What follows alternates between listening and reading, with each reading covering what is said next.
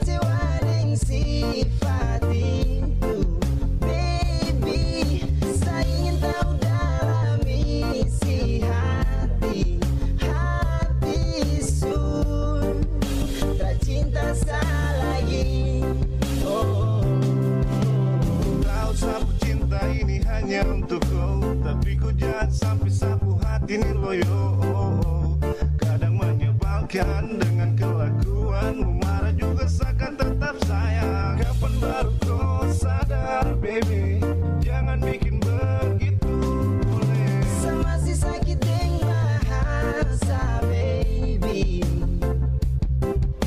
Sama si kecewa yang sifat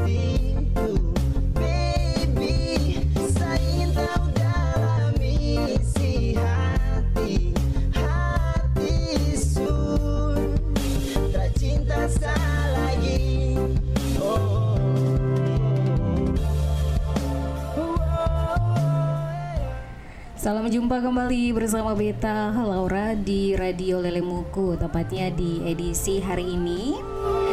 Beta hadir kembali for kampung semua. Kali ini dengan sederet berita menarik yang akan kami suguhkan untuk kamu Di antaranya ada tujuh informasi yang saya bagikan dari tabloid Lelemuku edisi Senin 28 Juni 2021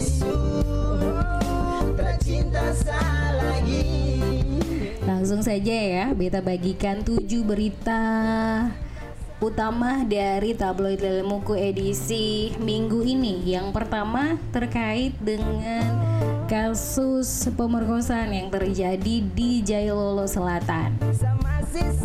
Diikuti dengan informasi kedua yaitu Kisru PLH Gubernur Papua Kemudian fakta integritas dari inovasi Tanimbar.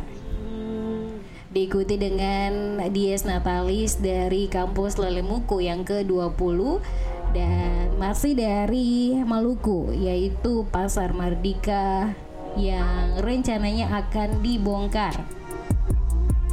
Diikuti dengan Belgia tundukan Portugal. Dan informasi penutup datang dari Papua yaitu teror yang terjadi di Yahukimo.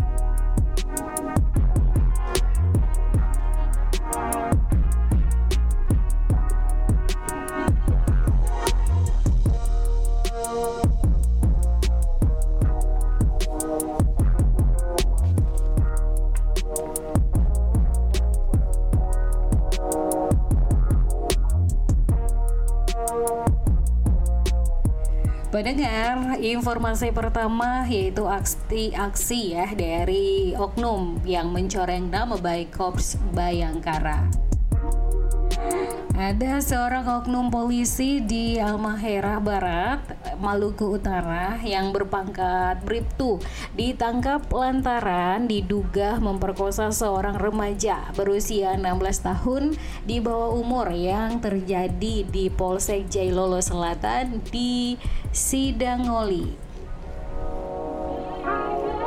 Bribtu dengan inisial NI ini langsung ditahan ya tak lama setelah melakukan aksi tersebut.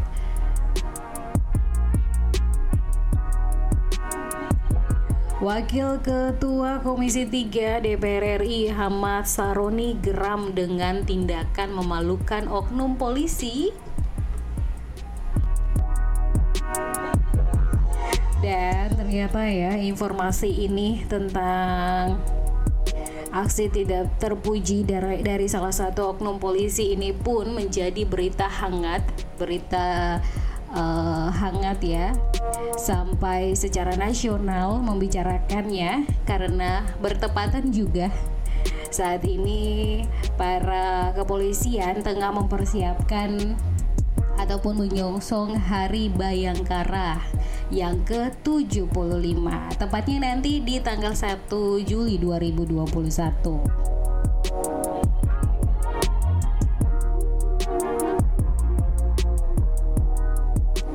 Kemudian informasi terkait ini saat ini korban ya mengingat usia yang masih belia maka dalam penanganan kasus ini sendiri dari unit perlindungan perempuan dan anak di Reskrim Polda Maluku Utara langsung sangat hati-hati menyikapinya. Dan korban sendiri pastinya sangat terpukul dan trauma berat karena PPA di Reskrimum Polda Maluku Utara harus sangat berhati-hati ketika menangani korban dan harus juga punya penilaian ataupun juga perspektif yang melindungi dan tidak menyudutkan korban yang masih di bawah umur.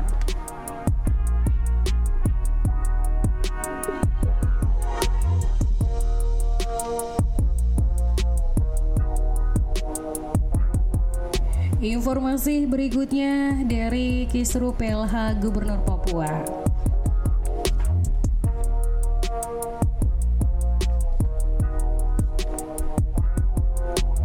Ya, pendengar, Kemendagri beri alasan penunjukan pelaksana harian Gubernur Papua yang uh, dipercayakan kepada dan C. Yulian Flasi sebagai pelaksana harian.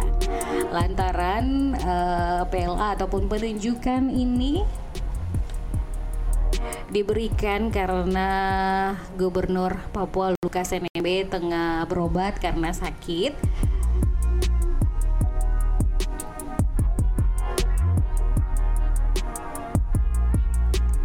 dari Kemendagri sendiri uh, juru bicara ya Kepala Pusat Penerangan Beni Irwan mengatakan bahwa penunjukan tersebut dilakukan untuk memastikan pemerintahan dan pelayanan publik berjalan dengan lancar di Provinsi Papua. Hal itu juga dilakukan karena upaya untuk mempercepat uh, penyaluran dari dana alokasi khusus fisik tahun 2021 karena terdapat beberapa dokumen yang belum bisa dilengkapi oleh pemerintah provinsi salah satunya yaitu dokumen yang harus ditandatangani oleh kepala daerah. Namun menyikapi hal ini, Gubernur Papua Lukas NMB pun segera menyurati Presiden Jokowi yang ingin untuk segera membatalkan surat penunjukan dan Ceflase sebagai PLH Gubernur Papua. NMB meminta bahwa Jokowi memberhentikan Sekda. Permintaan dari gubernur ini pun menyusul dugaan adanya mal administrasi yang dilakukan pihak-pihak yang ingin memberhentikannya sebagai gubernur Papua.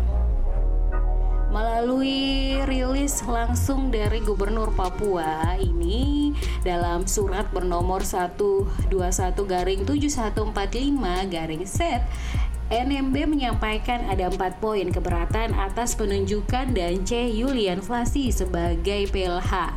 Sementara diakuinya bahwa kesehatannya kini telah pulih setelah berobat di Singapura.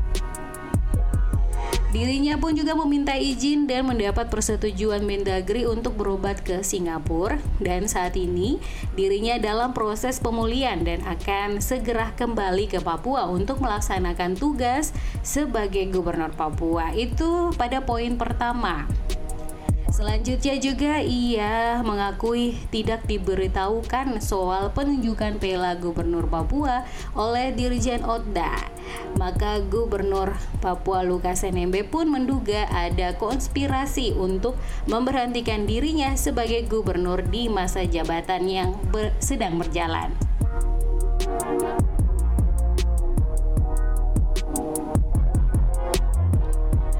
Sementara itu terkait dengan kosongnya kursi wakil gubernur yang masih kosong setelah wafatnya Clementinal pada bulan lalu, Gubernur NMB memastikan bahwa kursi tersebut akan segera diisi setelah 40 hari meninggalnya Clementinal.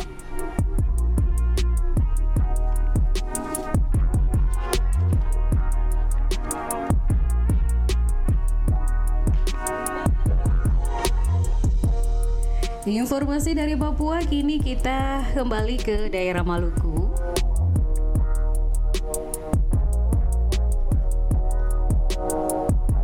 Malukunya di salah satu kabupaten yang paling selatan dari provinsi Maluku. Kabupaten ini lebih dekat ya ke negara Australia yaitu Tanimbar atau di Kepulauan Tanimbar. Nah, kali ini terkait dengan inovasi dari Bupati Tanimbar Petrus Fatulon yang menjadi target di tahun 2021. Menyikapi hal tersebut, Bupati pun juga meminta beberapa SKPD untuk menandatangani fakta integritas untuk bersama-sama mewujudkan target inovasi di tahun ini. Dan menyikapi hal itu, Kepala Bapeda Tanimbar ada Rosius Kabalmai mengungkapkan bahwa keinginan dari bupati tersebut dalam penandatanganan panta fakta integritas ya dengan target inovasi tahun 2021. Bapeda sendiri uh, sebagai koordinator ya Kabal Mai sendiri sebagai koordinator untuk mengontrol dan mengakomodir seluruh SKPD di lingkup Pemda tersebut. Dalam strategi ataupun juga target yang ingin dicapai, itu diambil adalah dengan mendorong semua SKPD untuk mematangkan ide inovasi yang telah diusulkan. Kemudian akan dilakukan konsultasi dengan lembaga administrasi negara agar mendapatkan arahan terkait dengan inovasi dari SKPD mana yang layak dilaksanakan dan juga akan dilombakan. Semoga hal tersebut dapat terwujud dengan baik Informasi berikutnya masih beta bagikan lagi. Ini masih dari Tanimbar ya pendengar. Kali ini terkait dengan Yayasan Lelemuku Yaitu yayasan eh, di bidang pendidikan ya Perguruan tinggi Yang baru saja merayakan dies natalisnya ya HUT yang ke-20 tahun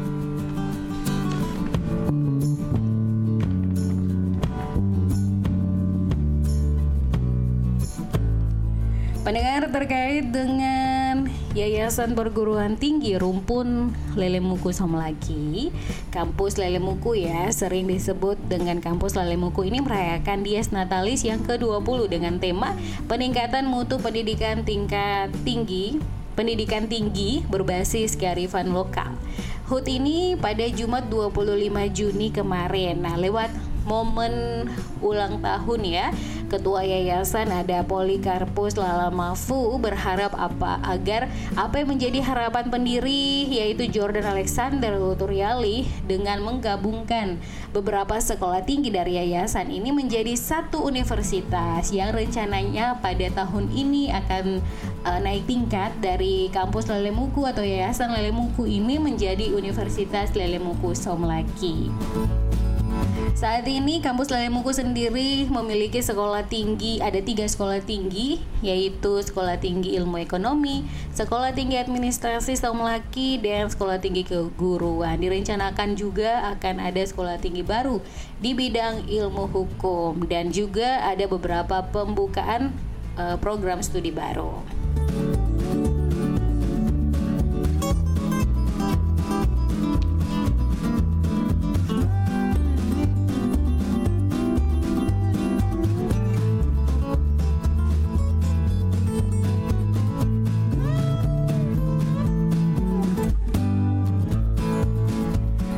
Dari Tanimbar, beta aja ke Kota Ambon ya, ibu kota dari Provinsi Maluku di Kota Ambon terkait dengan rencana relokasi Pasar Mardika. Ternyata pendengar rencana dari pemerintah kota ya untuk merelokasi pasar tersebut pun uh, ada banyak protes dari pedagang. Diketahui bahwa sejumlah pedagang pasar Mardika menggelar aksi memblokade jalan untuk menolak pembongkaran pasar oleh pemerintah kota Ambon. Aksi tersebut membuat jalan tidak dapat dilewati kendaraan maupun juga pejalan kaki. Salah satu pedagang sayur di Mardika Adia mengatakan bahwa aksi penolakan yang dilakukan oleh rekan-rekannya ya sejak pukul 6 pagi sebagai aksi protes atas kebijakan Pemkot Ambon untuk merelokasi mereka ke Pasar Paso. Aksi protes tersebut pun beralasan ya disampaikan bahwa mereka diminta pindah ke Paso tetapi mereka tidak mau.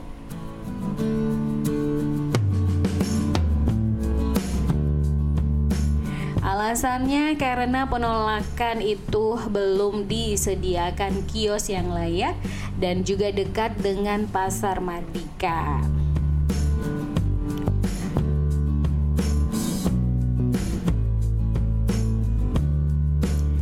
Aksi dari blokade itu pun juga turut didukung ya ataupun dibantu oleh sejumlah mahasiswa yang ada di Kota Ambon. Dalam orasi disampaikan bahwa Pemkot Pemkot ya menepati janji dengan menyediakan lokasi yang layak untuk para pedagang. Kalau lokasi menurut pedagang sama dengan lokasi pasar sebelumnya yaitu Pasar Mardika, mereka akan pindah. Tetapi kalau belum sesuai dengan lokasi sebelumnya tentunya yang nyaman dan juga sesuai, mereka akan tetap mempertahankan uh, mereka ingin tetap di Pasar Mardika.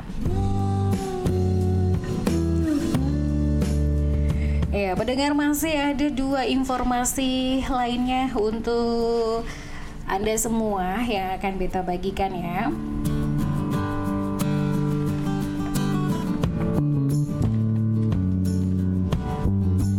Informasi ini dari dunia olahraga tentunya terkait dengan Euro 2020 di mana Cristiano Ronaldo lempar ban kapten setelah Portugal tersingkir. Pendengar, Cristiano Ronaldo melempar ban kapten yang melingkari lengannya ke tanah dengan frustasi setelah Portugal tersingkir dari Euro 2020. Juara bertahan dikalahkan Belgia dengan skor 1-0 pada pertandingan babak 16 besar yang berlangsung di Sevilla pada minggu waktu setempat atau Senin ya, dini hari pada 28 Juni 2021.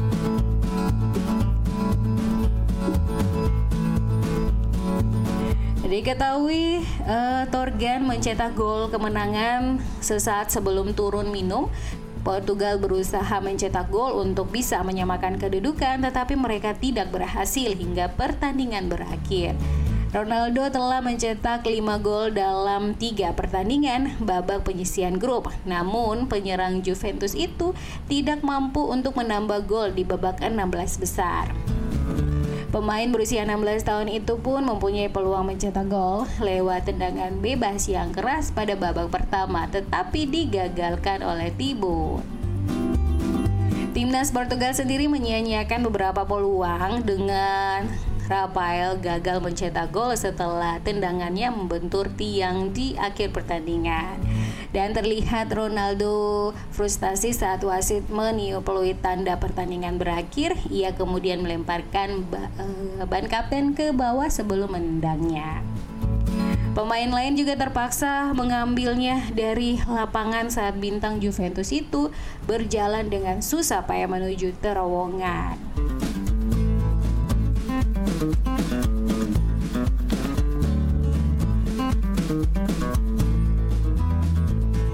Pendengar informasi terakhir di Radio Lelemuku edisi hari ini.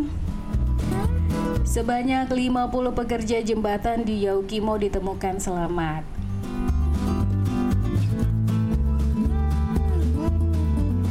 Pendengar, para pekerja jembatan yang melarikan diri saat kelompok kriminal bersenjata pimpinan Tendius Wijangge melakukan aksi kekerasan di Kampung Bingki, distrik Seradalah Kabupaten Yaukimo, Papua akhirnya ditemukan. Sebagian besar pekerja jembatan pada Jumat 25 Juni malam sudah berada di distrik DKI yang merupakan ibu kota dari Kabupaten Yaukimo. Diketahui pekerja jembatan yang berjumlah 50 orang, 39 orang sudah uh, yang berada di DKI ya sudah berada di DKI, yang lainnya ada di satu titik yang dipastikan aman. Hal ini disampaikan oleh Kabit Humas Polda Papua Kamal. Tetapi masih ada satu pekerja dari PT Papua Sremona yang belum diketahui keberadaannya.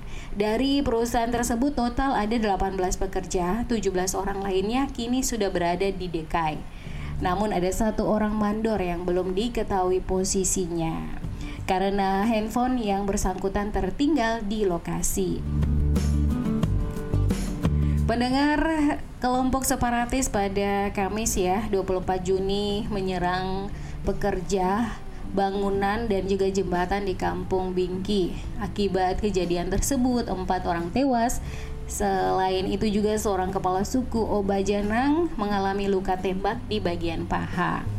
Aparat keamanan menduga pelaku adalah kelompok Tendius Gwijangge alias Tendinus Murib yang merupakan mantan anak buah Lekagak. Senjata yang digunakan kelompok tersebut juga diyakini merupakan senjata api jenis SS-2 milik dua personel TNI yang pada 18 18 Mei kemarin ya gugur di distrik DKI setelah diserang oleh orang tak dikenal.